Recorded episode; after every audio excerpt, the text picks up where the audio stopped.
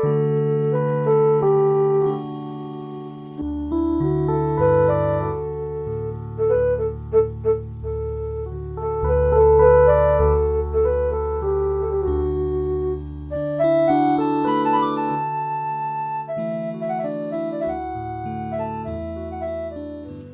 េះវិទ្យុសំឡេងមេត្រីភាពផ្សាយចេញពីវិទ្យុ Adventist ពិភពលោក នាងខ្ញុំ Erica Pha ហើយខ្ញុំចនព្រី ស្លីផាសូមគោរពនិងស្វាគមន៍ចំពោះអស់លោក លោកស្រី និងប្រិយមិត្តអ្នកស្ដាប់ទាំងអស់ជាទីមេត្រីបងប្អូនលោកអ្នកកំពុងស្ដាប់ដំណឹងល្អពីវិទ្យុសំឡេងមេត្រីភាព ដែលផ្សាយចេញជាភាសាខ្មែរមួយថ្ងៃពីរលើកព្រឹកពីម៉ោង6ដល់ម៉ោង6:30នាទី ពេលល្ងាចពីម៉ោង8ដល់ម៉ោង8:30នាទីយប់តាមរលកធាតុអាកាសខ្លី short wave 15150 kHz កម្ពស់19ម៉ែត្រអ្នកស្រីសុនសវណ្ណានឹងជម្រាបជូននៅកម្មវិធីសម្រាប់ថ្ងៃនេះដូចតទៅ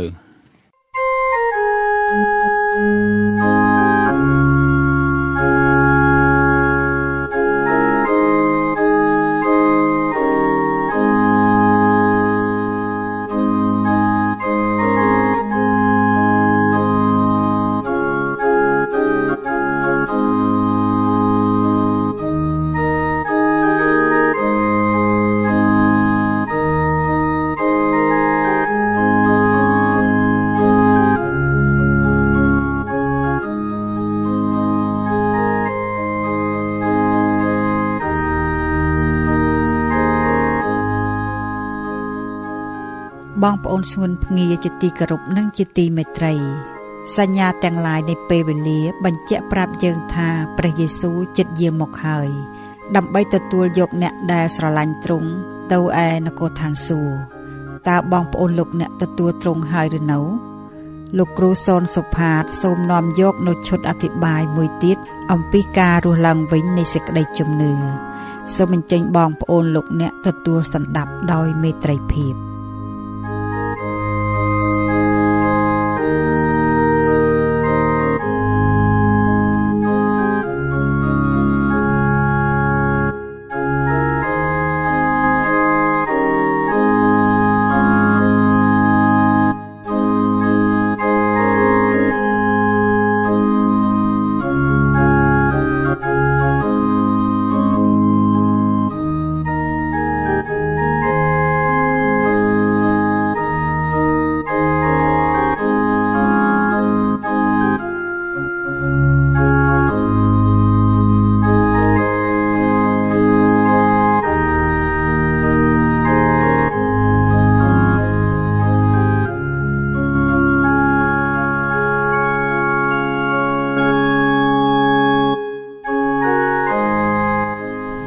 បសួរបងប្អូនក្រុមជំនុំគ្រឹះបរិស័ទថ្ងៃនេះថ្ងៃសាបាខ្ញុំសូមអានព្រះគម្ពីរនៅគម្ពីរម៉ាកុសជំពូក9ខ38រហូតដល់40យូហានក៏ទូលទ្រង់ថាលោកគ្រូ យើងខ្ញុំបានឃើញមនុស្សម្នាក់ដែលមិនដើរតាមយើងខ្ញុំ គេកំពុងតែដេញអារៈដោយនៅឈ្មោះលោក ហើយយើងខ្ញុំបានហាមខត់គេពីព្រោះគេ មិនដើរជាមួយនឹងយើងខ្ញុំទេព្រះយេស៊ូវមានបន្ទូលថាកុំខត់គេឡើយត្បិតគ្មានអ្នកណាអាចធ្វើការបរមីដោយនៅឈ្មោះខ្ញុំរួចនិយាយអាក្រក់ពីខ្ញុំភ្លាមមួយរំពេចបានទេត្បិតអ្នកណាដែលមិនទាស់នឹងយើង នោះកាន់ខាងយើងវិញជាព្រះបន្ទូលនៃព្រះអរគុណព្រះអង្គ Happy Sabbath. I would like to read Mark chapter 9, verse 38 to 40. Now John answered him, saying, Teacher, we saw someone who does not follow us casting out demons in your name, and we forbade him because he does not follow us. But Jesus said, Do not forbid him, for no one who works a miracle in my name can soon afterwards speak evil of me. For he who is not against us, is on our side. Amen. ជំរាបសួរបងប្អូនសួស្តីថ្ងៃសបាបងប្អូនទាំងអស់គ្នាទាំងបងប្អូនដែលនៅទីនេះនិងបងប្អូនដែលកំពុងស្ដាប់វិទ្យុសំឡេងមិត្តភាពរបស់យើងនៅទូទាំងពិភពលោកទាំងតាមប្រព័ន្ធអ៊ីនធឺណិត podcasting ហើយជាមួយនឹងខាងប្រព័ន្ធរលកធាតុអាកាសខ្លីនៅឯប្រទេសកម្ពុជាហើយនិងនៅប្រទេសនៅនៅក្នុងអាស៊ីប៉ែកអាគ្នេយ៍របស់យើង បាទបងប្អូនសូមស្វាគមន៍ថ្ងៃនេះគឺជាថ្ងៃបរិសុទ្ធរបស់ព្រះអង្គអរគុណព្រះអង្គបងប្អូនដែលស្ដាប់ឮអឺដំណឹងល្អនឹងការអធិប្បាយនេះគឺនៅថ្ងៃអាទិត្យប៉ុន្តែដូចខ្ញុំជំរាបប្រាប់បងប្អូនហៅហែថាពេលយើងបានជួបជុំគ្នាថ្វាយគុំព្រះអង្គគឺនៅក្នុងថ្ងៃសាបាត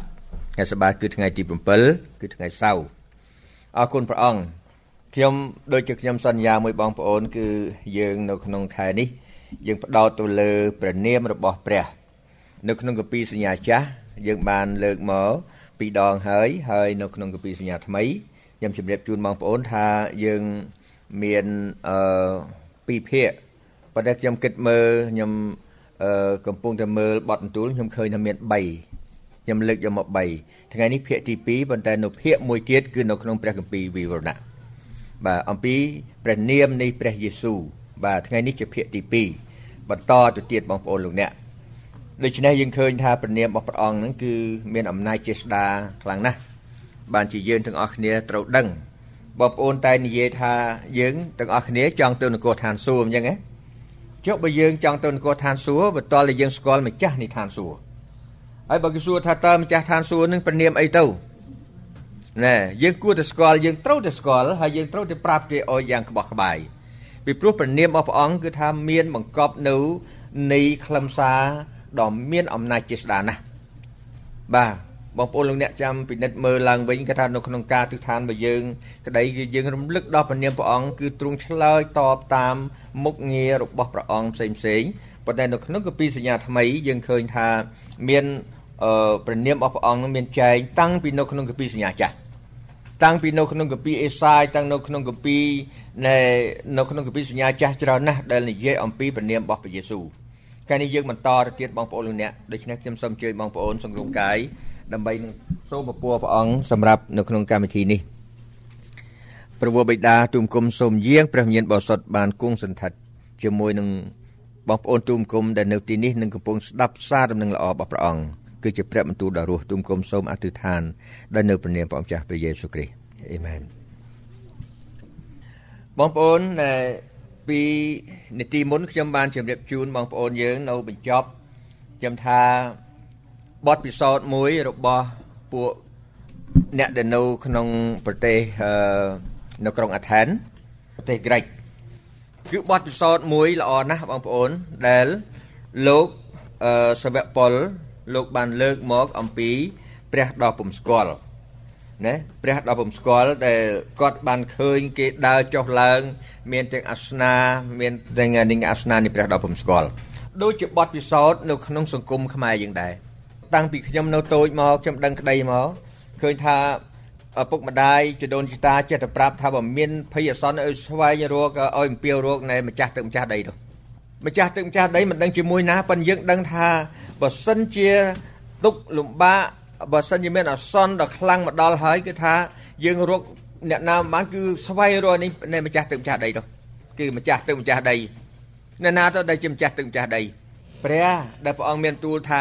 ឯមាសនិងប្រាក់ជារបស់ផងព្រះអង្គហើយរបស់ទាំងអស់គឺជារបស់ព្រះទាំងអស់ពីព្រោះព្រះជាអ្នកបង្កើតមកជាព្រះអធិការ ដូច្នេះយើងឃើញថាបើយើងអំពាវរកព្រះម្ចាស់ទឹកម្ចាស់ដីអ្នកម្ចាស់ទឹកម្ចាស់ដីហ្នឹងគឺយើងអំពាវរកព្រះមួយដែលយើងពុំស្គាល់ the unknown god ប៉ុន្តែដូច្នេះខ្ញុំដូចជាលោកប៉ុលដែរថាសូមប្រកាសជូនបងប្អូនថានៃម្ចាស់ទឹកម្ចាស់ដីនោះគឺជាព្រះយេស៊ូវព្រះយេស៊ូវពីព្រោះខ្ញុំអធិប្បាយមកហើយបើបងប្អូនស្ដាប់តាំងពីដើមមកគឺថាខ្ញុំបានលើកបញ្ជាក់តាំងពីព្រះនៃបង្កើតផ្ទៃមេឃផែនដីរបៀបម៉េចមុនដំបូងព្រះអង្គជាព្រះបន្ទូល ព្រះបន្ទូលនោះបានបង្គាប់ឲ្យនៃពន្លឺកើតឡើងពន្លឺក៏កើតឡើងព្រះអង្គបង្កើតរបស់សពសារពើទាំងអស់ក្រោយមកទៀតព្រះបន្ទូលក៏ត្រឡប់ទៅជាសាច់ឈាមនៅក្នុងគម្ពីរយ៉ូហានដំណឹងល្អចំពុក1ខ14ថាព្រះបន្ទូលក៏ត្រឡប់ជាសាច់ឈាមបាទគឺជាព្រះយេស៊ូវនោះឯងដូច្នេះបងប្អូនទាំងអស់គ្នាសំខាន់កន្លែងនេះដែលខ្ញុំចង់ឲ្យបងប្អូនយើងបានស្គាល់ច្បាស់អំពីព្រះនាមរបស់ព្រះអង្គ មួយទៀតបងប្អូនយើងមើលនៅក្នុងគម្ពីរដំណឹងល្អគឺចាប់ផ្ដើមគម្ពីរម៉ាថាយគម្ពីរទៅសេមុនគេនៅគម្ពីរសញ្ញាថ្មីមិនមែនគម្ពីរម៉ាថាយទេគម្ពីរម៉ាកុសទេទៅសេមុន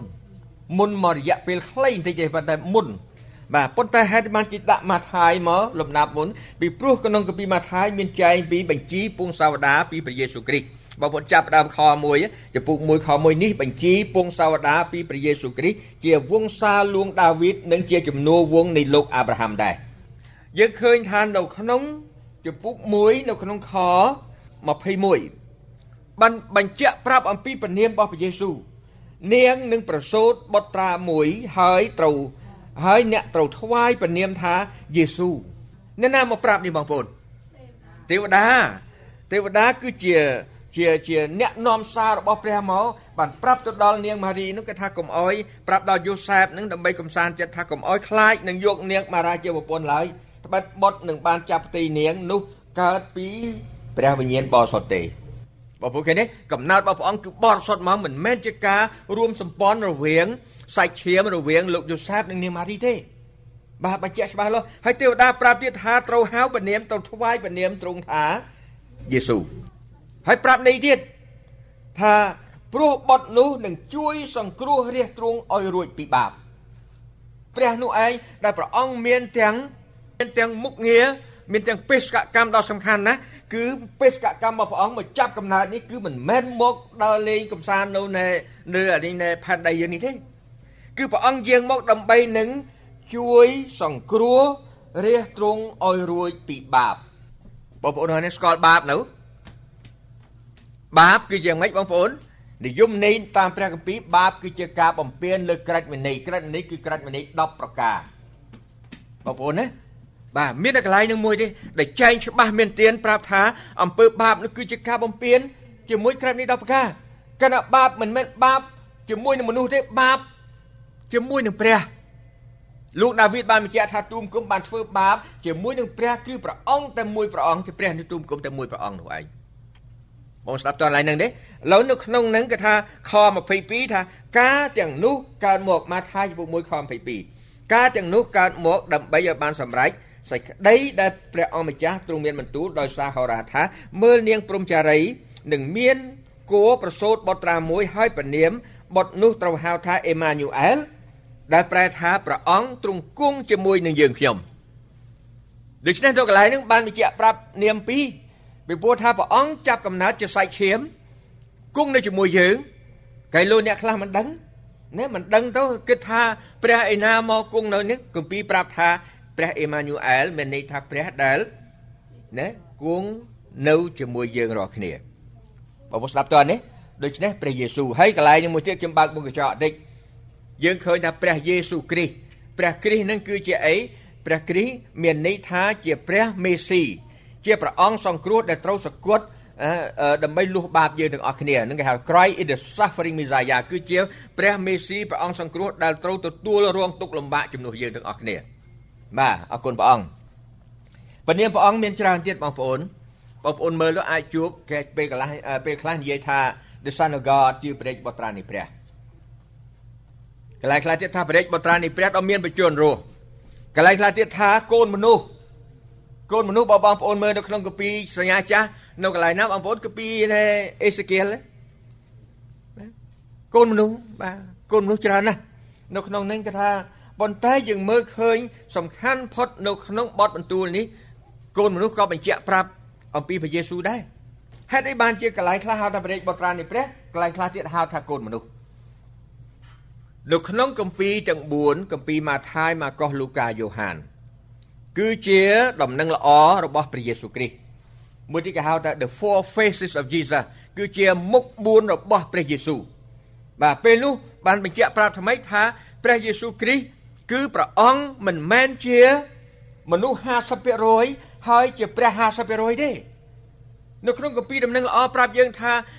Jesus is fully God and fully human is fully divine and fully human ព្រះយេស៊ូវគ្រីស្ទគឺថា100%ជាព្រះ100%ជាមនុស្សបងប្អូនខ្លះទៀតក៏ថាបើសិនជាព្រះអង្គជាបរិយាបុត្រានៃព្រះណែហើយផងកន្លែងខ្លះទៀតថាជាកូនមនុស្សកន្លែងខ្លះជាបរិយាបុត្រានៃព្រះដូច្នេះព្រះអង្គ50%ជាព្រះ50%ជាមនុស្សខុសមិនត្រូវទេព្រះអង្គ100%ជាព្រះ100%ជាមនុស្ស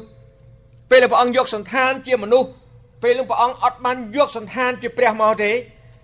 ពេលដែលព្រះអង្គនៅលើឈើឆ្កាងព្រះអង្គអត់បានយកសន្តានជាព្រះមកទេសួរថាបើសិនជាយកសន្តានជាព្រះមកព្រះអង្គអាចសង្កត់បានទេអត់បានទេពីព្រោះព្រះគឺអមតៈ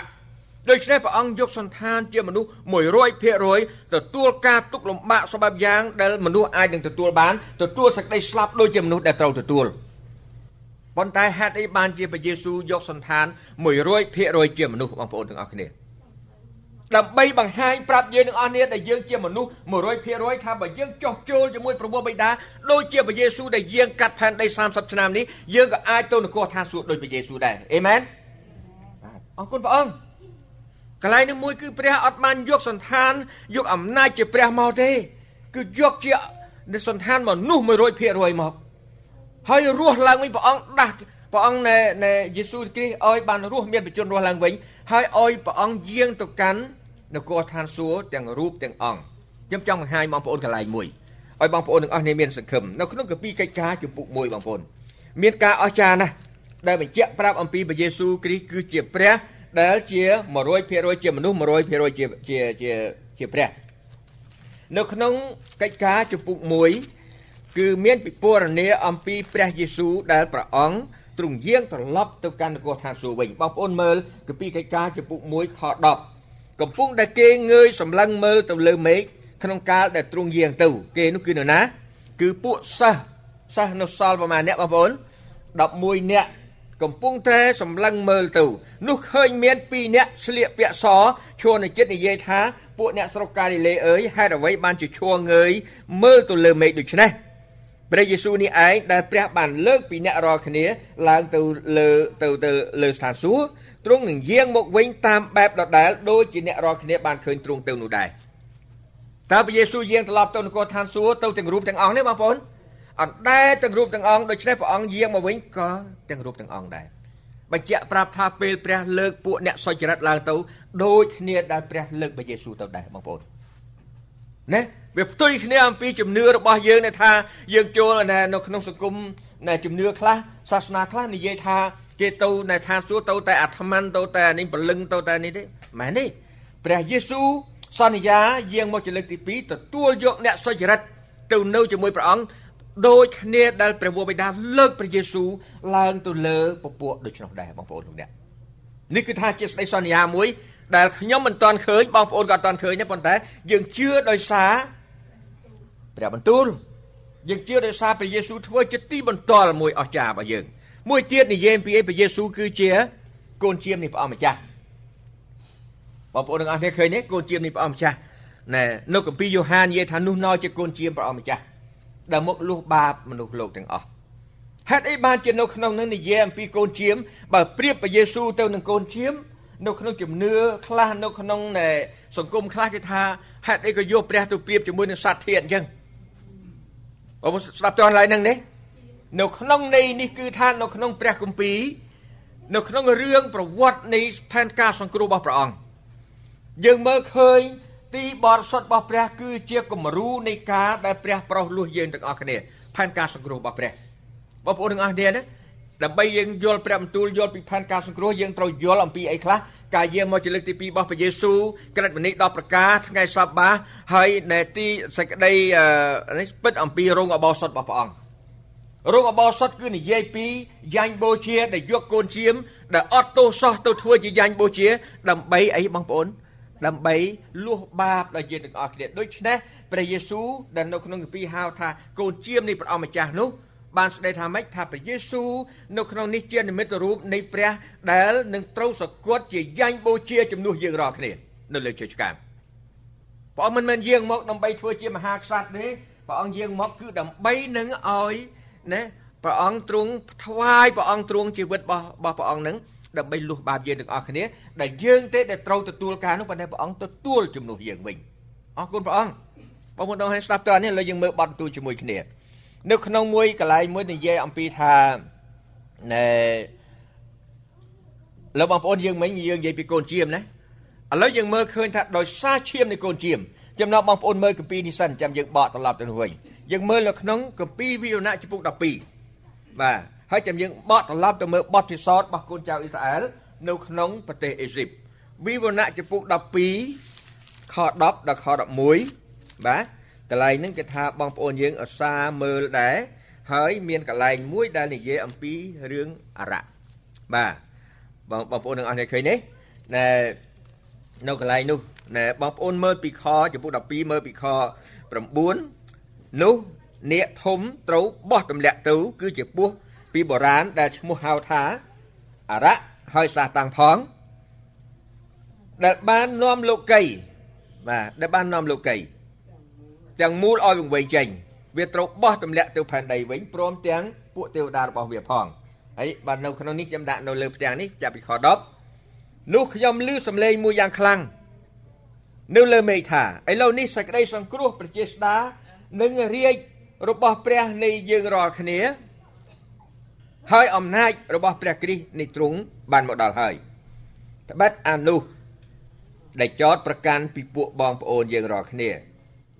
ដែលចេះតែចោតពីគេ នៅចំពោះព្រះ ទាំងយប់ទាំងថ្ងៃ វាត្រូវបោះទម្លាក់ទៅហើយគេបានឈ្នះវាដោយសារឈាមនៃកូនជៀមហើយដោយសារសេចក្តីបន្ទាល់របស់គេក៏មិនបានស្ដាយជីវិតខ្លួនដល់រាបដល់ស្លាប់ បងប្អូនទាំងអស់នេះស្ដាប់តើកន្លែងហ្នឹងទេគេបានឈ្នះវាឈ្នះអីបងប្អូនវាហ្នឹងរៈសាតាំងដែលវានៅតែលបួងយើងនៅតែនាំពួកអ្នកស្រឡាញ់ព្រះអ្នកស្វែងរកនគរឋានសួគ៌បើយើងមិនដើរតាមស្ដីពិតបើយើងមិនស្រឡាញ់ស្ដីពិតយើងនឹងធ្លាក់ចុះទៅក្នុងស្ដីលបួងរបស់វាវានៅតែចោតប្រកាន់ពីបងប្អូនអញ្ចឹងចោតប្រកាន់អីបងប្អូនបើវាចោតប្រកាន់វាចោតប្រកាន់ពីសេចក្តីពិតរបស់ព្រះអង្គកន្លែងពេលខ្លះទៀតវាឆ្លោះជាមួយព្រះយេស៊ូវ កន្លែងខ្លះទៀតគេថាវាទៅបៀតបៀនដល់លោកសាវកប៉ុលដោយសារអីដោយសារអ្នកទាំងអស់នោះសុទ្ធតែជា អ្នកដែលនាំសេចក្តីពិតដូច្នេះអ្នកដែលនាំសេចក្តីពិតមកបងប្អូនទាំងអស់គ្នាយើងត្រូវយល់ឲ្យច្បាស់បាទប៉ុន្តែអានោះដែលចោតប្រកាន់ពីបងប្អូននេះយើងរាល់គ្នានោះគេថាចោតចោតប្រកាន់អ្នកណាឆ្លាញ់ស្ដីពិតទេអ្នកណាដែលមិនឆ្លាញ់ស្ដីពិតអ្នកណាមិនមិនដើរតាមក្រឹតនៃដល់ប្រការវាអត់ចោតប្រកាន់ទេ បងស្ដាប់ឲ្យទាន់វាវាកន្លែងហ្នឹងវាបងប្អូនយើងខ្លះគាត់ថាអានោះមិនដឹងថាអានោះមួយណាបាទបងប្អូនទាំងអស់នេះឃើញទេបាទឥឡូវយើងមើល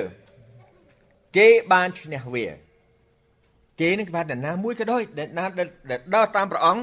អ្នកគេបានឈ្នះវាដោយសារឈាមនៃកូនជៀម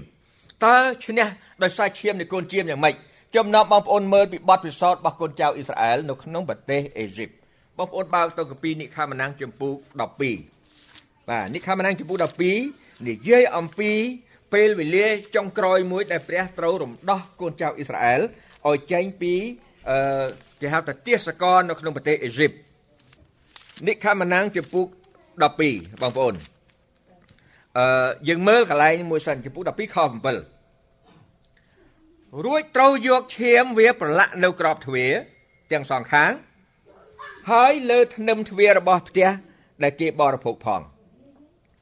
បងប្អូនមើលមកខហ្នឹងយើងចង់ពង្រីកការយល់ដឹងមើលពីមុនហ្នឹងណាមកចម្ពោះទៅមើលខាងក្រោយមកចម្ពោះយើងដឹងច្បាស់ប៉ុន្តែឥឡូវនេះខ្ញុំសង្ខេបខ្លីថាស្ដេចផារ៉ោនមិនព្រមអនុញ្ញាតឲ្យរាជរបស់ព្រះចេញទៅថ្វាយគុំព្រះពិតប្រកបទេបងប្អូនទាំងអស់នេះស្ដាប់ទៅណាអ្នកណាមួយដែលចង់ស្វែងរកទៅ ថ្វាយគុំព្រះដល់ពិតហ្នឹងណាជួនកាលយើងត្រូវឆ្លងកាត់នៅបទពិសោធន៍យ៉ាងនេះដែរបានទេថាម៉េចពេលនេះព្រះថាមានតែនៅចុងក្រោយបង្អស់គឺព្រះអង្គត្រូវធ្វើម៉េចធ្វើការបដិហាមួយគេហៅថា the last plague គេធ្វើឲ្យមនុស្សនៅក្នុងប្រទេសអេស៊ីបទាំងមូលគឺថាសម្រាប់កូនច្បាស់ទាំងអស់ក្នុងប្រទេសអេស៊ីបទាំងវងសัตว์ហើយនឹងមនុស្សគេថាគ្មានផ្ទះណាមួយដែលគ្មានសម្រែកយំទេ ឲ្យតែកូនច្បងតាំងពីអ្នកដែលក្របំផុតរហូតទៅដល់កូនច្បងនៅក្នុងដំណាក់ផារ៉ូនដល់សាទៀតបងប្អូនទាំងអស់គ្នាឃើញទេឥ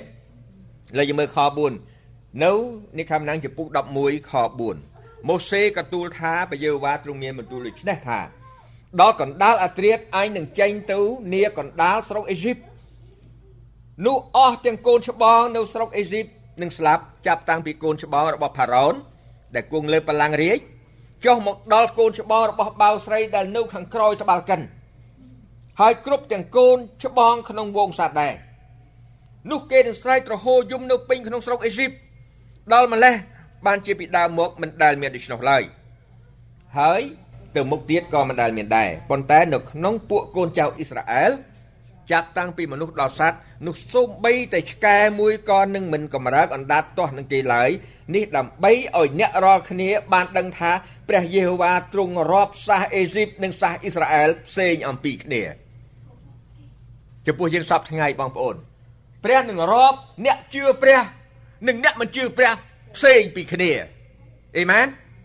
នេះគឺជាចុងក្រោយបង្អស់នៅពេលដែលព្រះអង្គទ្រង់យាងមកនេះជារូបភាពមួយអំពីការសង្គ្រោះនៅក្នុងពេលដែលចុងក្រោយបង្អស់ គូចៅអ៊ីស្រាអែល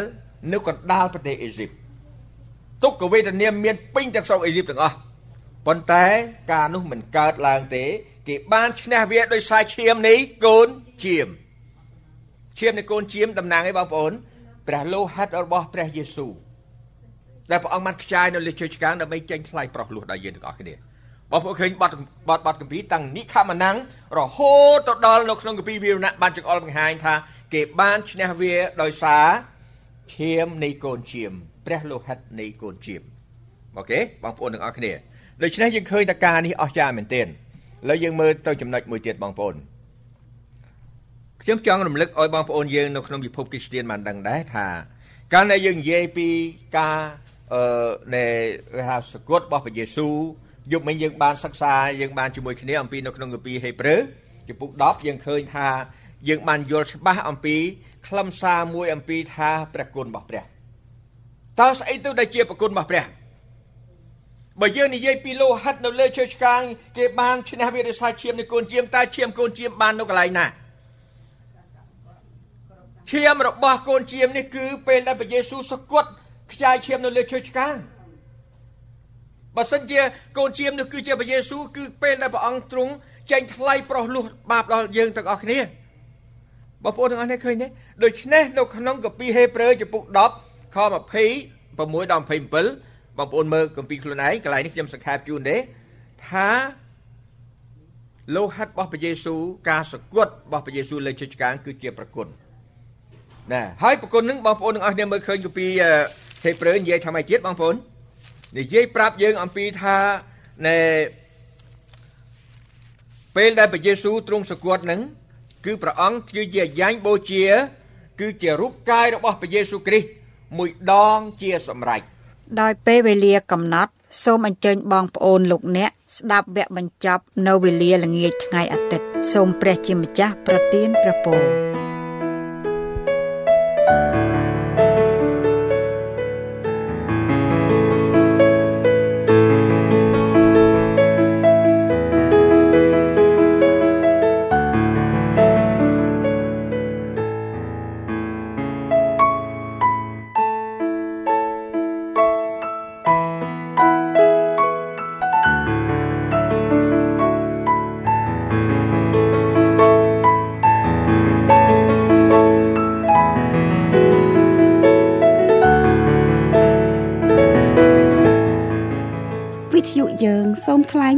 គុណដល់បងប្អូនលោកអ្នកដែលបានយកចិត្តទុកដាក់ស្ដាប់កម្មវិធីយើងខ្ញុំនៅថ្ងៃនេះសូមព្រះជាម្ចាស់ប្រទានព្រះពរជាបរិបូរណ៍